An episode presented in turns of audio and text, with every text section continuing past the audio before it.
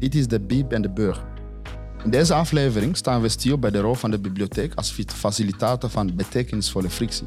Wij leven in een pluriforme samenleving waar we ondanks onze verschillen en achtergronden en ervaringen samen door één deur moeten. Maar het betekent niet dat wij van elkaar moeten houden. Maar om een gezamenlijke toekomst te vormen, helpt het als wij in een veilige setting onze ervaringen en standpunten met anderen kunnen delen. We hoeven met elkaar het niet eens te zijn. Het mag zelfs scheuren, zolang wij gedeelde waarden delen, vanuit gedeelde waarden opereren. De bibliotheek heeft de potentie om zo'n veilige setting te worden. Maar wat komt er allemaal bij kijken? Welkom bij de Bib in de Burger, de podcast waarin we ons afvragen wat de bibliotheek kan doen om ervoor te zorgen dat burgers niet afhaken, maar juist meedoen aan het democratisch proces.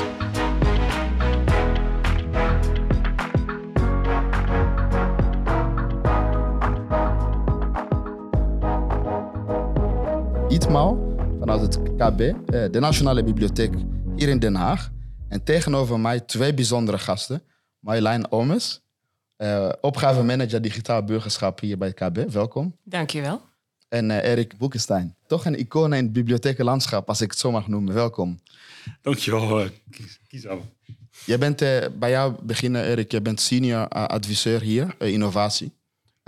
de bibliothekennetwerk in Nederland is best wel complex. Je hebt de VOB, KB, noem maar op. Ik ben nu in dat, dat wereld.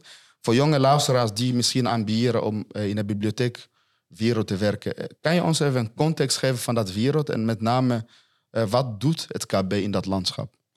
Oeh, um, ja, dat hangt natuurlijk vanaf. De KB is natuurlijk een nationale bibliotheek. Dus die hebben bepaalde taken die binnen dat kader uh, passen. Het opslaan van al het uitgebrachte materiaal. we bestaan dit jaar 225 jaar. Dus je kunt je voorstellen dat er een enorme collectie is met, met echte schatten die, van uitgebracht materiaal in Nederland en verhalen. Daarnaast hebben we sinds 2015 eh, de, de wet, de WSOB, de bibliotheekwet, waarin we ook een bepaalde rol hebben naar het openbare bibliotheekveld. en daar, dat is een opgaan van verschillende instanties die binnen de KB geïntegreerd zijn. Uh, daar kan Marjolein, die komt uit dezelfde hoek, ook nog wat nodig over vertellen. Um, dat geeft ons een bepaalde regierol. In eerste instantie was het meer een regierol naar het OB-veld toe, het zorgen voor een landelijke infrastructuur waarmee bibliotheken in het land wat makkelijker samen kunnen werken en bepaalde dingen oppakken. In de loop der jaren is het nu een beetje, hè, een nieuwe convenant hebben we uh, samengesteld. Uh, er is een nieuwe agenda. Dat netwerkagenda. Uh, netwerkagenda. En vanuit die rol zie je dat het wel meer het eigendom steeds...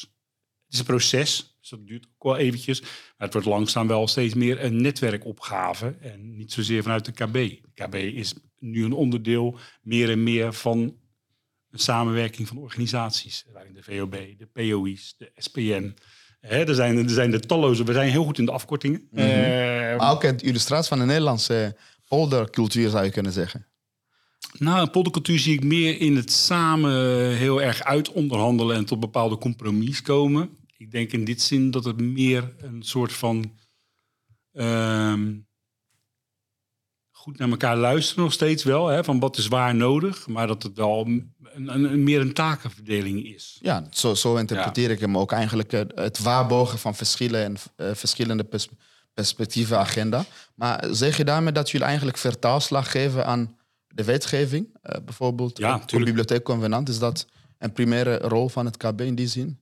Wij werken in, in die zin in opdracht van natuurlijk uh, van, van, van, van, van het OCW en, en andere instanties waarin we gewoon bepaalde taken hebben die we uitvoeren. Ja. Zo goed mogelijk, natuurlijk met eigen inzicht, maar ook wel naar, naar bepaalde kaders. Ja, precies. Um, we gaan straks inhoudelijk uh, stilstaan bij de rol van informatie. want dat is vanaf het begin eigenlijk een belangrijke rol, Marjolein, van dit instituut. zorgen dat alle informatie van Nederland gevaar, ja, gearchiveerd zijn en toegankelijk zijn. Um, we gaan in deze podcast ook nadrukkelijk stilstaan bij betekenisvolle frictie. Uh, we gaan dat ook uh, definiëren voor de luisteraar. Uh, maar vanuit jouw werk, Marjolein, als opgavemanager digitaal burgerschap. Hoe verhoudt jouw werk hier bij het KB zich tot de thema's die, die we net hebben besproken? Het zorgen dat beleid vertaalslag krijgt in de praktijk. Ja, op verschillende manieren. Uh, Erik zegt al mooi, we hebben natuurlijk de bibliotheekwet. Daarin zijn een aantal kernfuncties van de openbare bibliotheken vastgelegd. Dus dat, dat geeft aan waar ze, welke maatschappelijke functie zij bekleden in de samenleving. En, nou ja, en, en we hebben met elkaar, ook voortvloeiend uit die wet, gezegd... er zijn gewoon een aantal hele grote maatschappelijke opgaven... die we als samenleving aan moeten gaan... en waarvan wij eigenlijk als netwerk gezamenlijk de overtuiging voelen... dat we daarvan betekenis kunnen zijn. En de rol van bibliotheken, nou, wie zegt, we zullen het er zo over hebben, is van oudsher echt de toegangspoort tot informatie. Maar we zitten nu in een samenleving die aan ontzettend grote veranderingen onderhevig is. Dus die invulling van die taak, die opgave, die zal er heel anders uit gaan zien.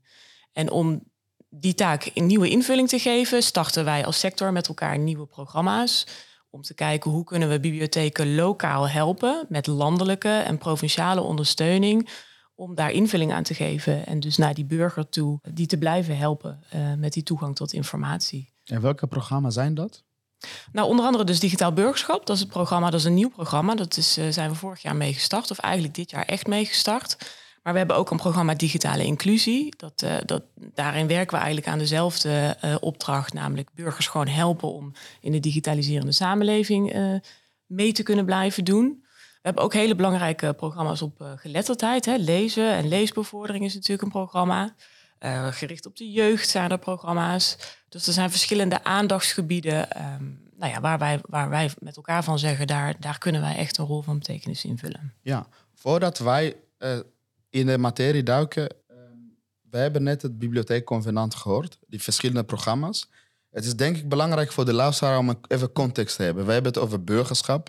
Het begrip digitaal burgerschap is onderdeel van dat netwerkagenda dat voortvloeit uit het convenant.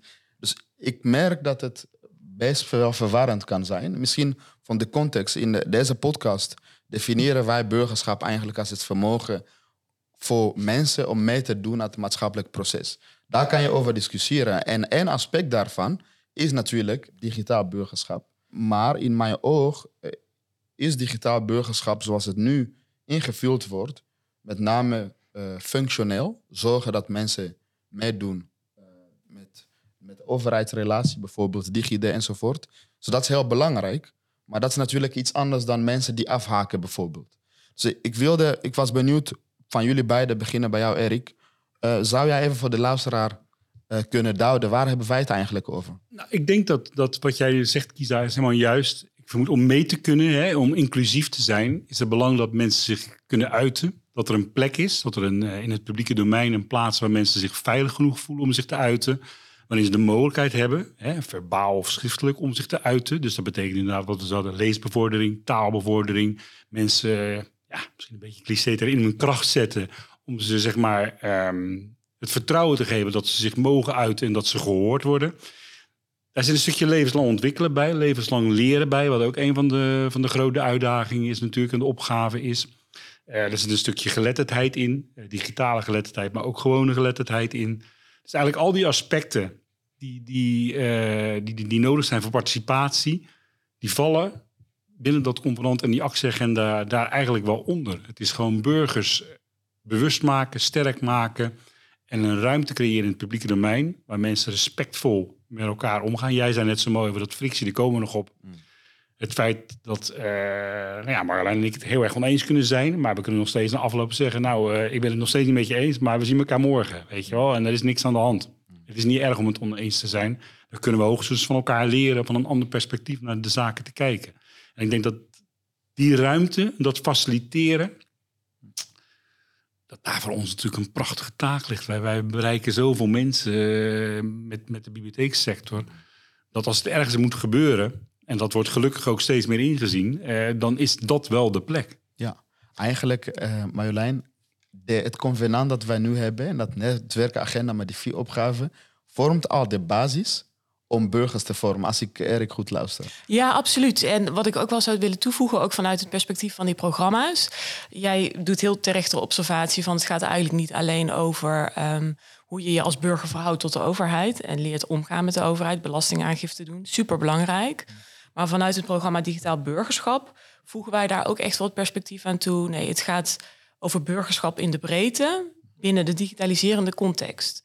Dus we zeggen, het gaat ook over hoe kunnen we als bibliotheek die burger nu ondersteunen om vaardig te zijn. Ehm, eh, vooral digitaal vaardig, hè, want per definitie vraagt burgerschap nu om vaardigheden eh, om technologie om te kunnen gaan, bewustzijn voor technologie.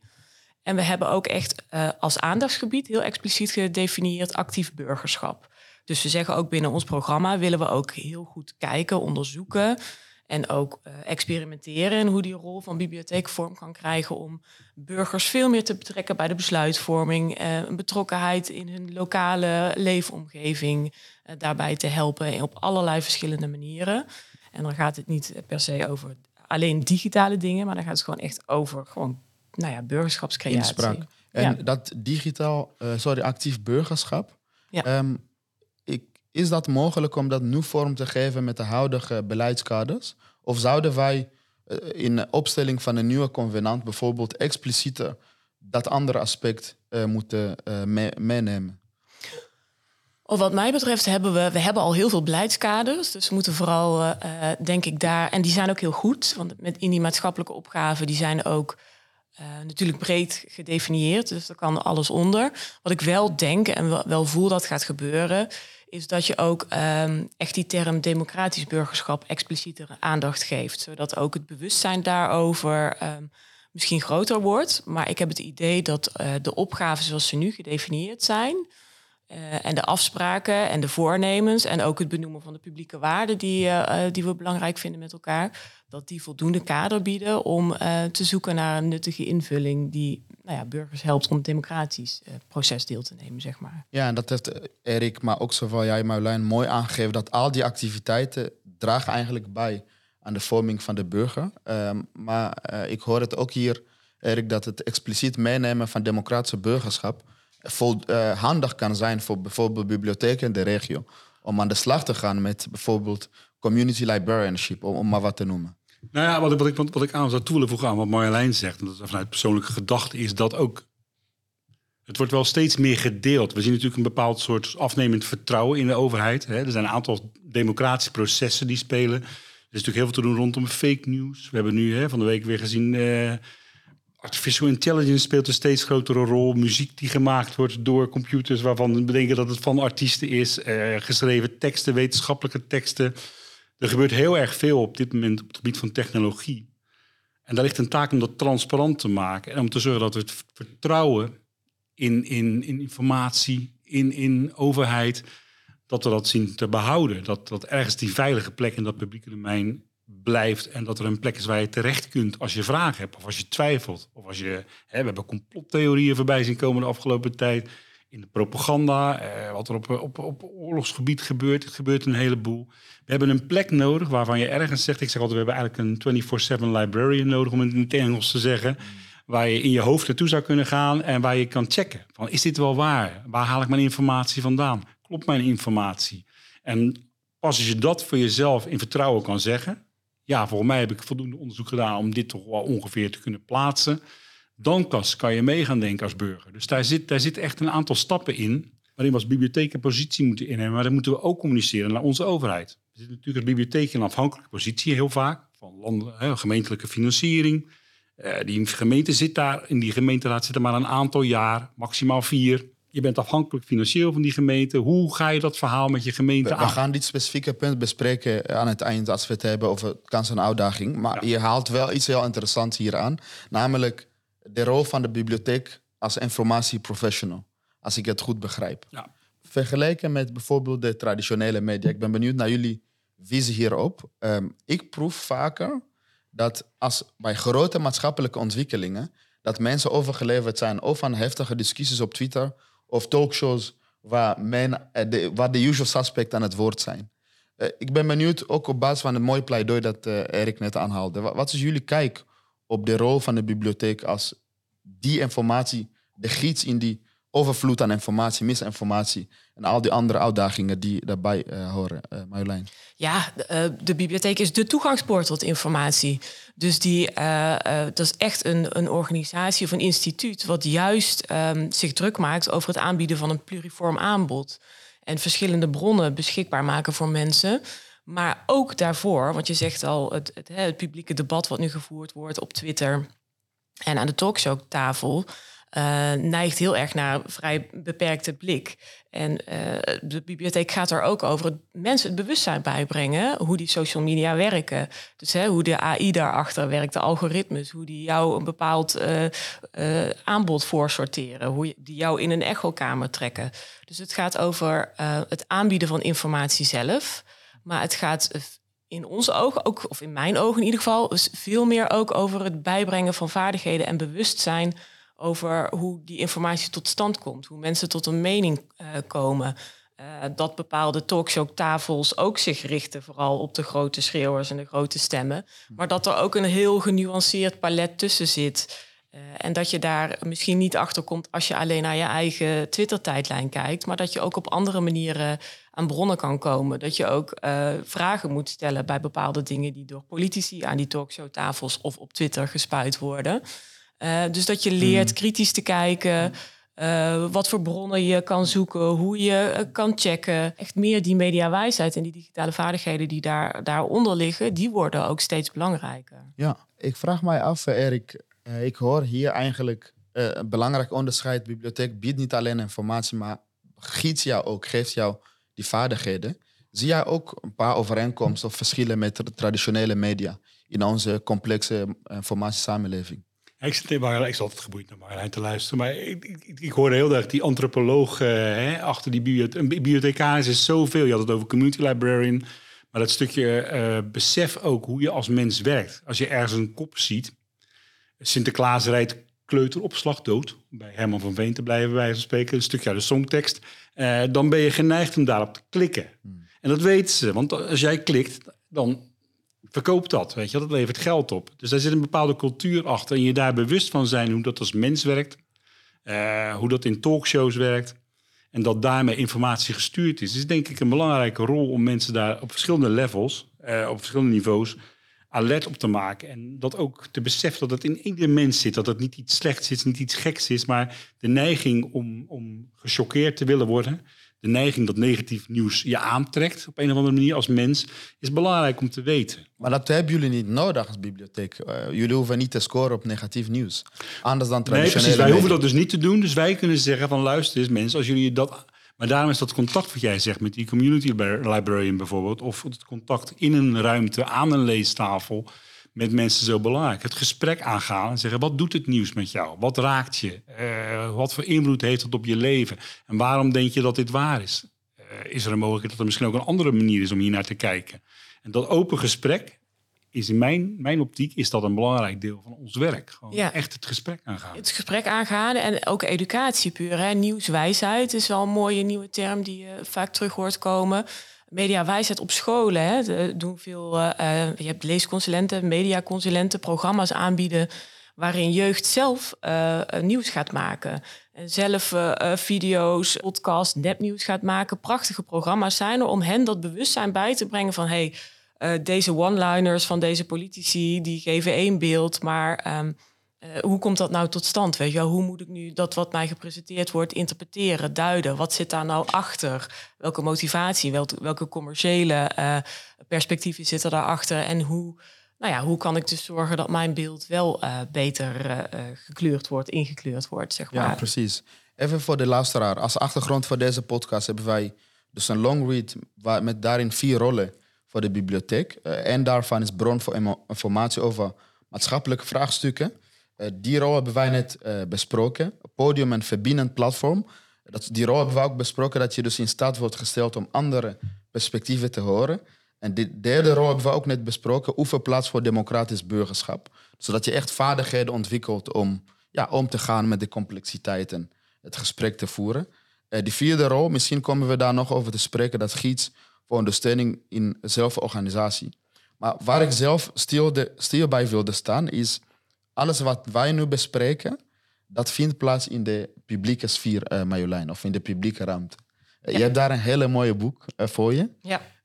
zou je ons kunnen meenemen naar dat begrip? En hoe dat samenhangt met wat we net allemaal besproken hebben, dus de complexiteit van informatie, omgaan met verschillen enzovoort. Ja. ja, daar wil ik een beetje afblijven van de definitie van wat publieke sfeer precies inhoudt. Want het is natuurlijk een term die door filosofen en sociologen op hele verschillende manieren geduid wordt. Maar er zijn wel verschillende denkers die daar hele mooie uh, nou ja, dingen over zeggen. En je merkt ook dat de term publieke sfeer al jaren, overigens en decennia, heel erg vaak in, in verband wordt gebracht met openbare bibliotheken. Als eigenlijk een publieke open plek, neutraal, uh, niet commercieel, laagdrempelig en toegankelijk voor mensen. Waar iedereen welkom is en waar ze elkaar kunnen ontmoeten blootgesteld worden aan, aan elkaar en, en, en dus ook aan andersdenkenden, zich comfortabel voelen en zich, uh, nou ja, een hele mooie term die daarmee samenhangt, vind ik publieke uh, familiariteit die kan ontstaan. Dus niet anonimiteit, maar dat je hoe vaker je in die publieke sfeer komt, hoe meer herkenning je hebt van andere mensen, hoe meer je ziet dat je onderdeel bent van een diverse samenleving. En dat je dus ook enerzijds hebben we het vaak over ontmoeting en debat en dialoog, dus in gesprek raakt met andere mensen. Maar het mooie vind ik ook wel dat het gewoon een publieke plek is waar je ziet dat er andere mensen zijn. Je hoeft niet per se met elkaar een hele discussie of een debat te voeren, maar je ziet gewoon dat je onderdeel bent van een grotere, diversere samenleving. Ja, en je zei het ook net, het zijn uh, bediscussieerd. Je hebt denken zoals uh, Habermas, maar je hebt ook een boek dat aan de hand van Hannah Arendt de publieke sfeer uh, probeert te definiëren. Ja, ja. is dat de definitie die je net met ons hebt gedeeld? Ja, zo'n beetje wel. En, en het boek wat ik, wat ik heel interessant vind en ook voor me heb liggen, het heet De publieke sfeer in de 21ste eeuw. Um, dat gaat heel erg ook over de stempel die technologie daarop drukt, op hoe die publieke sfeer um, in het geding komt ook wel. Uh, en hoe technologie vaak aangedragen wordt als oplossing om uh, burgers te betrekken bij, maar dat er altijd sprake blijft van ongelijkheden, ook door toegang tot uh, digitalisering of do door technologie.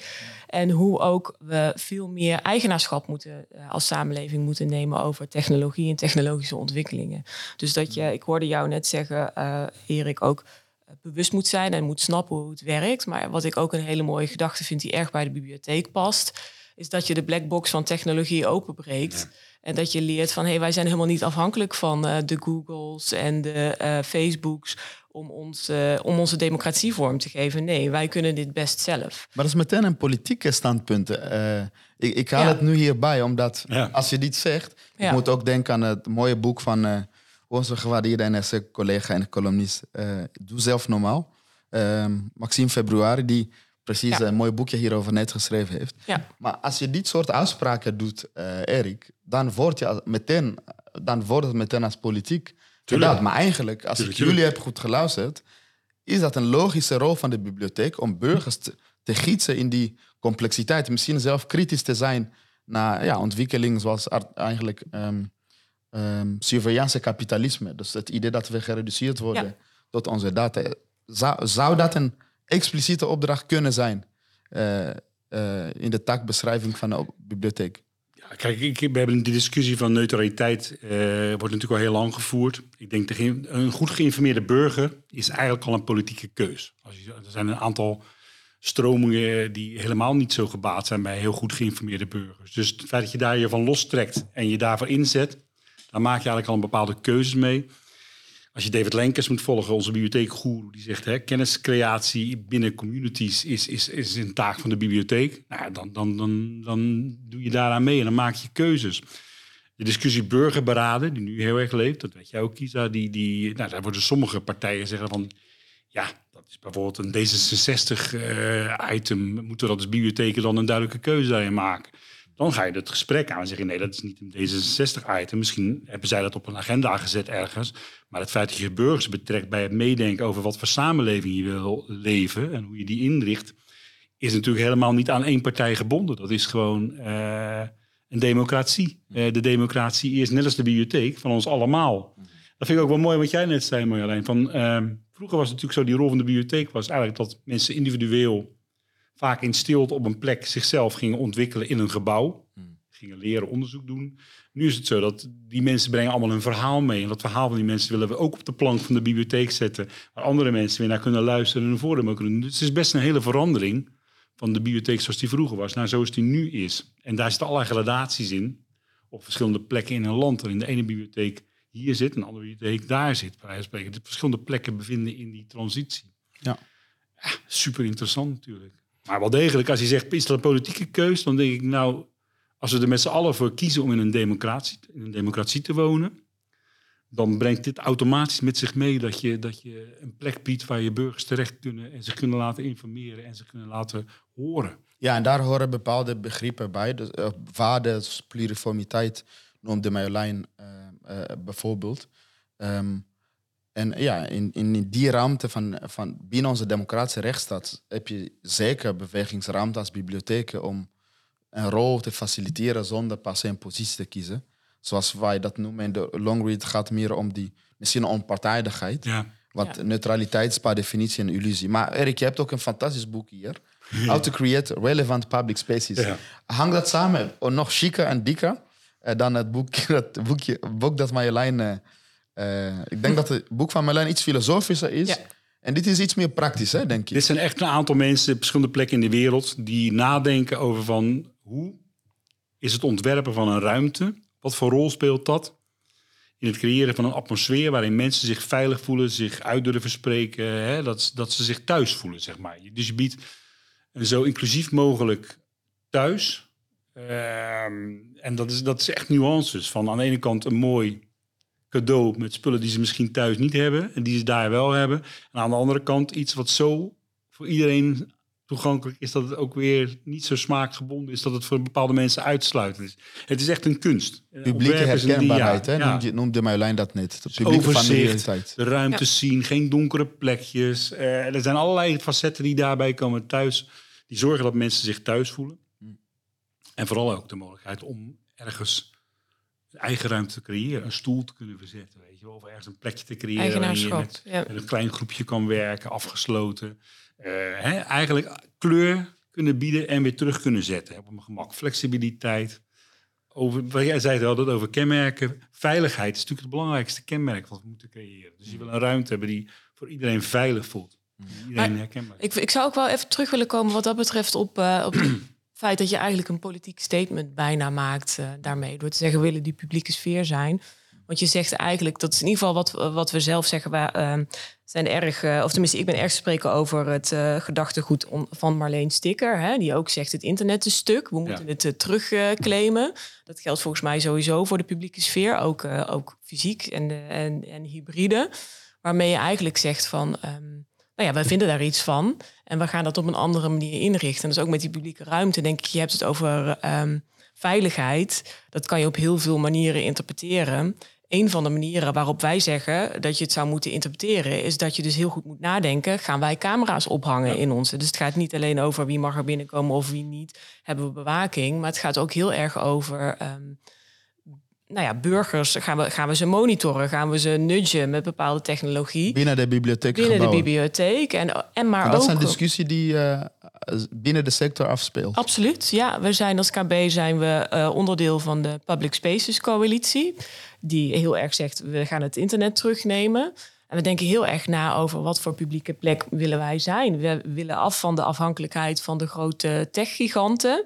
Want daar wordt van alles met de data van onze gebruikers gedaan waar wij het niet mee eens zijn. We zijn veel te afhankelijk. Hoe kunnen wij dat, die, die uh, ruimte terugclaimen? En dat is geen politieke statement, uh, dit. Gezien de maatschappelijke opdracht van de bibliotheek. Ja, nou eigenlijk wel. Ja, dus dat eigenlijk het politieke Ja, statement. ja Dus, en, dus dat is het hele punt. Je mag prima een zeker. politieke statement, vind ik wel. Ja. maken, Erik.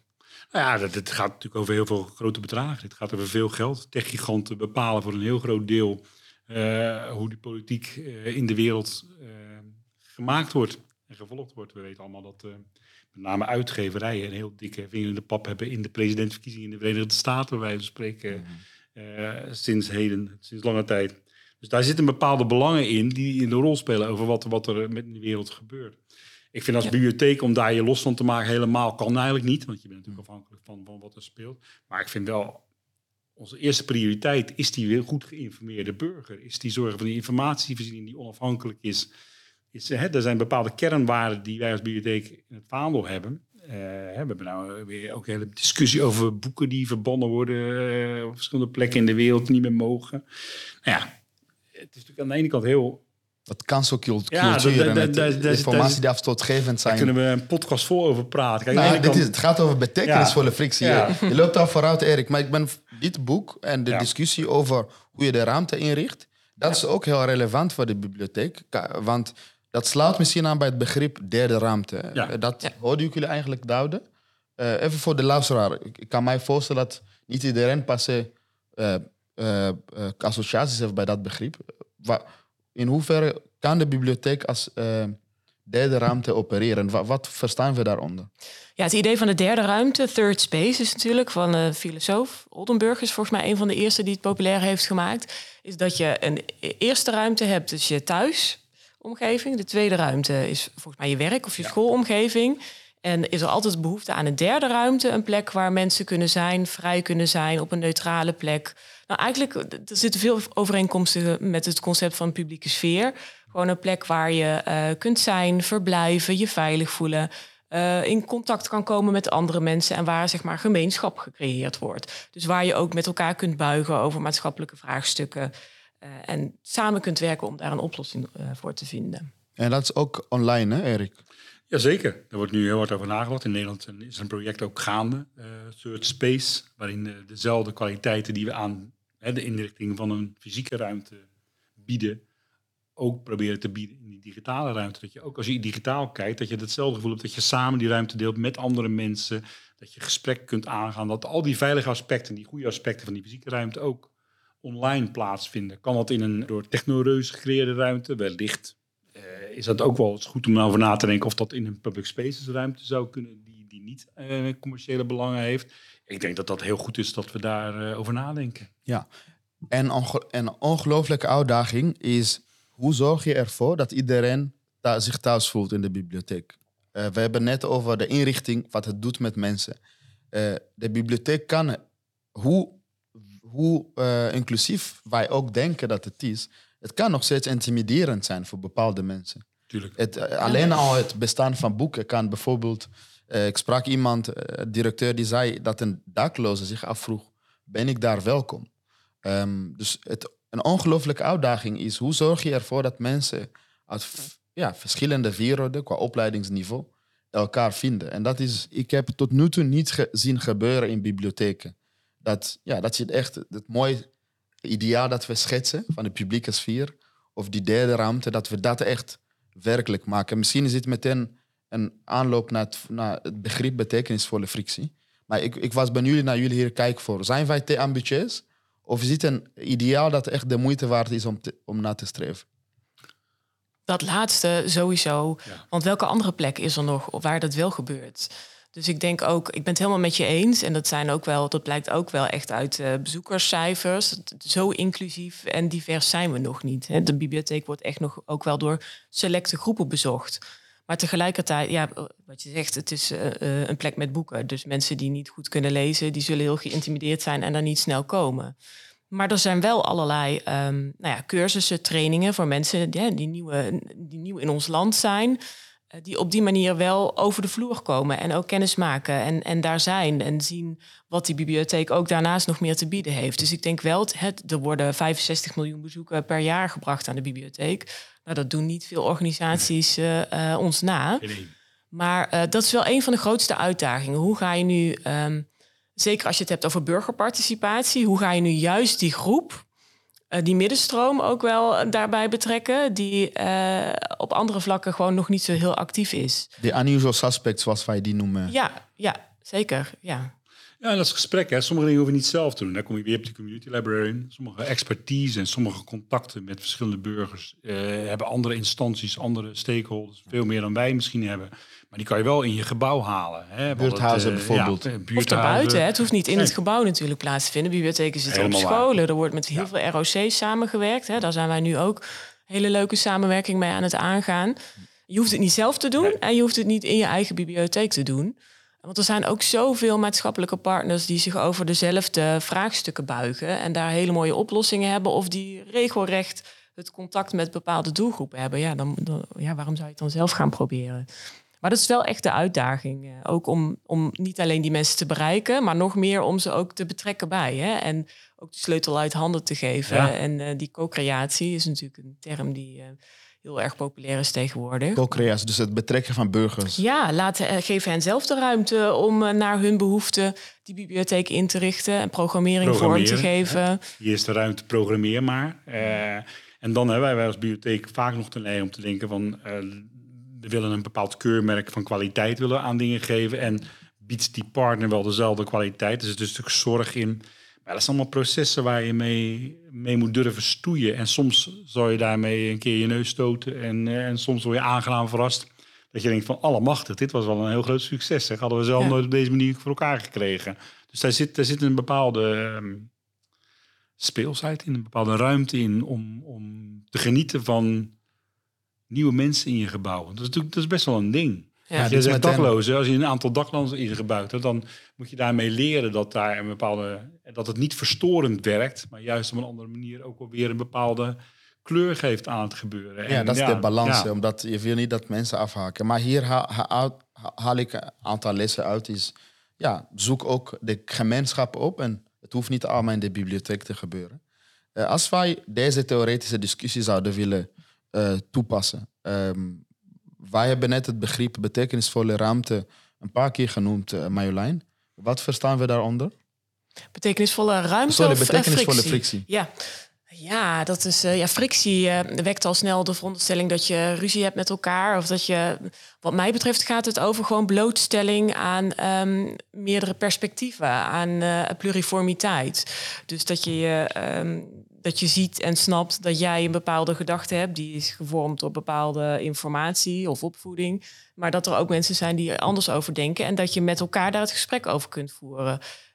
Volgens democratische waarden. Dus dat je met respect naar elkaar kunt luisteren, kunt kijken, kunt zoeken naar een oplossing. Uh, en dat, dat het onderdeel van de samenleving is dat, dat je het niet altijd eens bent met elkaar. En dat er soms besluiten worden genomen waar je het niet misschien, meteen, misschien eh, eens bent. Maar dat jij ook wel uh, degelijk een stem hebt in die besluitvorming. Je hebt het over multiperspectief en exposure to otherness. Ja. ja. Um, als wij dit zouden willen toepassen op een casus, uh, Erik, bijvoorbeeld Black Lives Matter. Um, voor sommige burgers in ons land super belangrijk om racisme bespreekbaar te maken. Voor andere burgers uh, is het eigenlijk gezeur. waar hebben wij het over? Vanuit de taakbeschrijving van de bibliotheek, eh, als gids van informatie, al die dingen die wij besproken hebben. Hoe kijk jij terug naar hoe bibliotheken hebben geopereerd in die discussie bijvoorbeeld? En was er ruimte om die betekenisvolle frictie eh, te faciliteren binnen de bibliotheek? Dat is heel erg verschillend kiezen. Ik denk dat sommige, hè, ik denk dat intern in de meeste bibliotheken is het onderwerp ter sprake gekomen. Ik denk onder het personeel dat er over gesproken is. Van wat moeten we, wat kunnen we hiermee, hoe kunnen we iets aanbieden. De ene bibliotheek is daar verder in gegaan in het faciliteren van discussieavonden, ontmoeting, debatavonden en dergelijke. Dan de andere bibliotheek. Ik denk dat uh, het begint bij een bepaald het loskoppelen van het onderwerp naar een bepaald empathisch vermogen. Dus als ik hoor bij mensen dat ze persoonlijk geraakt worden, dat ze het echt moeilijk hebben met een bepaalde manier waarop iets gebeurt in de wereld, dan, dan luister ik als mens naar die persoon. Ik denk dat daar een mooie rol ligt. Dat je gewoon denkt van oké, okay, dat is ontzettend naar dat jij gekwetst bent. Of dat je, dat je je raakt, dat je je zorgen maakt, dat je bang bent voor de toekomst. Hoe kunnen we een gesprek voeren waarin ik mogelijkerwijs iets kan doen aan jouw angst of uh, mee kan denken of op een andere manier dat je je, je gelijkwaardig opstelt en probeert samen tot iets te komen wat allebei helpt. Hè? Stap je wat ik bedoel? Daar, daar, daar, en daar denk ik dat in die rol, als we het zo kunnen lostrekken, dat de meeste bibliotheken, de meeste mensen en de meeste medewerkers daar absoluut een bijdrage aan willen leveren. Als we het in het politieke houden en zeggen, ja, maar als we hier achter gaan staan, dan krijgen we die partij tegen ons zijn hele mooie voorbeelden. Hè. Bibliotheek Schiedam, die heeft bijvoorbeeld uh, het Stedelijk museum, eh, museum, in Schiedam, die heeft een, een Zwarte Piet kelder mm. onderin. Met, met, met Sinterklaas was altijd zo daar. Daar woonde Sinterklaas mm. in Schiedam, bij wijze van spreken. Met de Zwarte Piet, alles erop en eraan. Een hele discussie over van, kan dat nog, kan dat niet? Nou ja, uiteindelijk ga je mensen uitnodigen en voer het gesprek. En als je dan aandoet dat sommige mensen echt oprecht gekwetst zijn... en zich daar emotioneel door geraakt voelen dan zijn mensen veel eerder geneigd om te zeggen: ja, oké, ja, zo belangrijk is het ook niet of het nou een stroopwafelpiet is of een andere piet. We passen ons wel aan, weet je. Maar dan, dan is eigenlijk, je wordt dan, je verandert door de mens die je achter het Dus issue het zit. faciliteren van praat ontmoeting eigenlijk. sorry. Ja, nee, maar precies. eigenlijk het faciliteren van de ontmoeting Ja. waar we het Ja, over hadden. De echte ontmoeting. En ook echte het, over- ik denk ook wel echt het nuanceren. Want ehm, jij maakte zelf in het begin de vergelijking ook met journalistiek. Ik vind altijd dat, dat er heel veel aandacht is voor zo'n onderstroom, die het allemaal maar stom Ja. vindt. Terwijl volgens mij het grootste deel van de Nederlandse bevolking echt wel een genuanceerder beeld heeft of wil hebben. En ook bereid is om dat gesprek te voeren en zo. Het is wel spannend als bibliotheek natuurlijk. Ik moest heel erg denken aan een, blogpost van de directeur van Bibliotheek Kennemer Waard van een paar jaar geleden die eenzelfde dilemma had. Die hadden een, een eh, eh, lezing eh, gefaciliteerd over eh, 5G en kabouters. Dus daar kwam ook heel veel discussie op. En, en dat was eigenlijk een heel mooi reflectiemoment voor haar en voor haar, haar eh, eh, bibliotheek en voor alle mensen die daar werkten. Van ja, jeetje, dat heb ik te snel hebben we dit zo laten gebeuren. Maar het is eigenlijk wel heel mooi de discussie die daarna tot stand komt. En dat we luisteren naar verschillende perspectieven en hoe dit, deze besluitvorming tot stand is gekomen. Maar ik vind het jammer dat er altijd zo heel veel aandacht gaat naar ehm, die hele extreme. Ja. Terwijl het grootste deel van onze bevolking, hè, dat blijkt ook uit onderzoeken, pol- polarisatie is natuurlijk e- één groot vraagstuk nu. Maar zo gepolariseerd is onze samenleving helemaal niet. Het Omdat, gaat- we, omdat de media de neiging heeft om die extreme te accentueren, kregen we de indruk. Ja. Je haalde net een mooi voorbeeld, dus, eh, die 5G en kabouter. kabouter, ja. Want bij de coronacrisis heb ik, ja, ik denk Ja. net als jullie dat van dichtbij meegemaakt, Ja. hoe extreem eh, die discussies waren. En ehm, ik ben eigenlijk heel benieuwd. Ik, ik heb niet eerder stil bij gestaan. Wat had bibliotheken toen kunnen doen? Want de discussies waren heel eh, veel in de media gevoerd. Maar door deze podcast, maar ook tijdens ons gesprek en de voorbereiding, realiseer ik mij eigenlijk, was dat een, eh, ja, een ongelofelijke kans van de bibliotheek Ja. om die maatschappelijke rol te vervullen. Het komt er bovenop, hè. Kiezer. Kijk, wij zeggen dat en ik vind dat ook. En als ik in mijn als ik in de bibliotheek ben en ik ben er en ik hoor het, dan kan ik niet laten om me er altijd mee te bemoeien. Maar het is voor een aantal medewerkers die een vol takenpakket hebben, is het ook alweer iets van. Eh, en de angst van als ik straks iets zeg, dan krijg ik misschien een scheldpartij. Eh, dreiging. er, er is een bepaalde. Je moet echt een mensenmens zijn en de skills hebben om inderdaad ook een stukje autoriteit te hebben, denk ik. Dat je eventjes kan zeggen als mensen eh, respectloos worden, dat je zegt, oh, dit doen we niet hier. Als we met elkaar praten, gaat het altijd op gepaste toon. We hebben respect voor elkaar. Dat je ingrijpt. Dat, je die, die, dat, dat, dat zijn kwaliteiten. Die moet je wel in je personeel in huis hebben. Dat is gewoon, eh, ja, dat is Klopt. wel een ding. Ik heb het wel, ik ik ben het wel met je eens. Ik zelf persoonlijk heb ik dat ook wel gemist hoor. Dat bibliotheken daar ook misschien meer een activistische rol in hebben gepakt. Niet als in dat je je heel erg in het eh, politieke discours eh, stort. Maar we hebben ons wel heel erg gestort in het helpen en het fantastisch helpen met QR-codes en het ondersteunen van mensen om, eh, om daarmee om te gaan. Terwijl er ook een enorm informatievraagstuk natuurlijk was. Dus en, en daar hebben we ons niet zo heel erg expliciet geprofileerd. Wat inderdaad sp- spannend is en wat, wat je moet kunnen, want daar komt allerlei dingen overheen.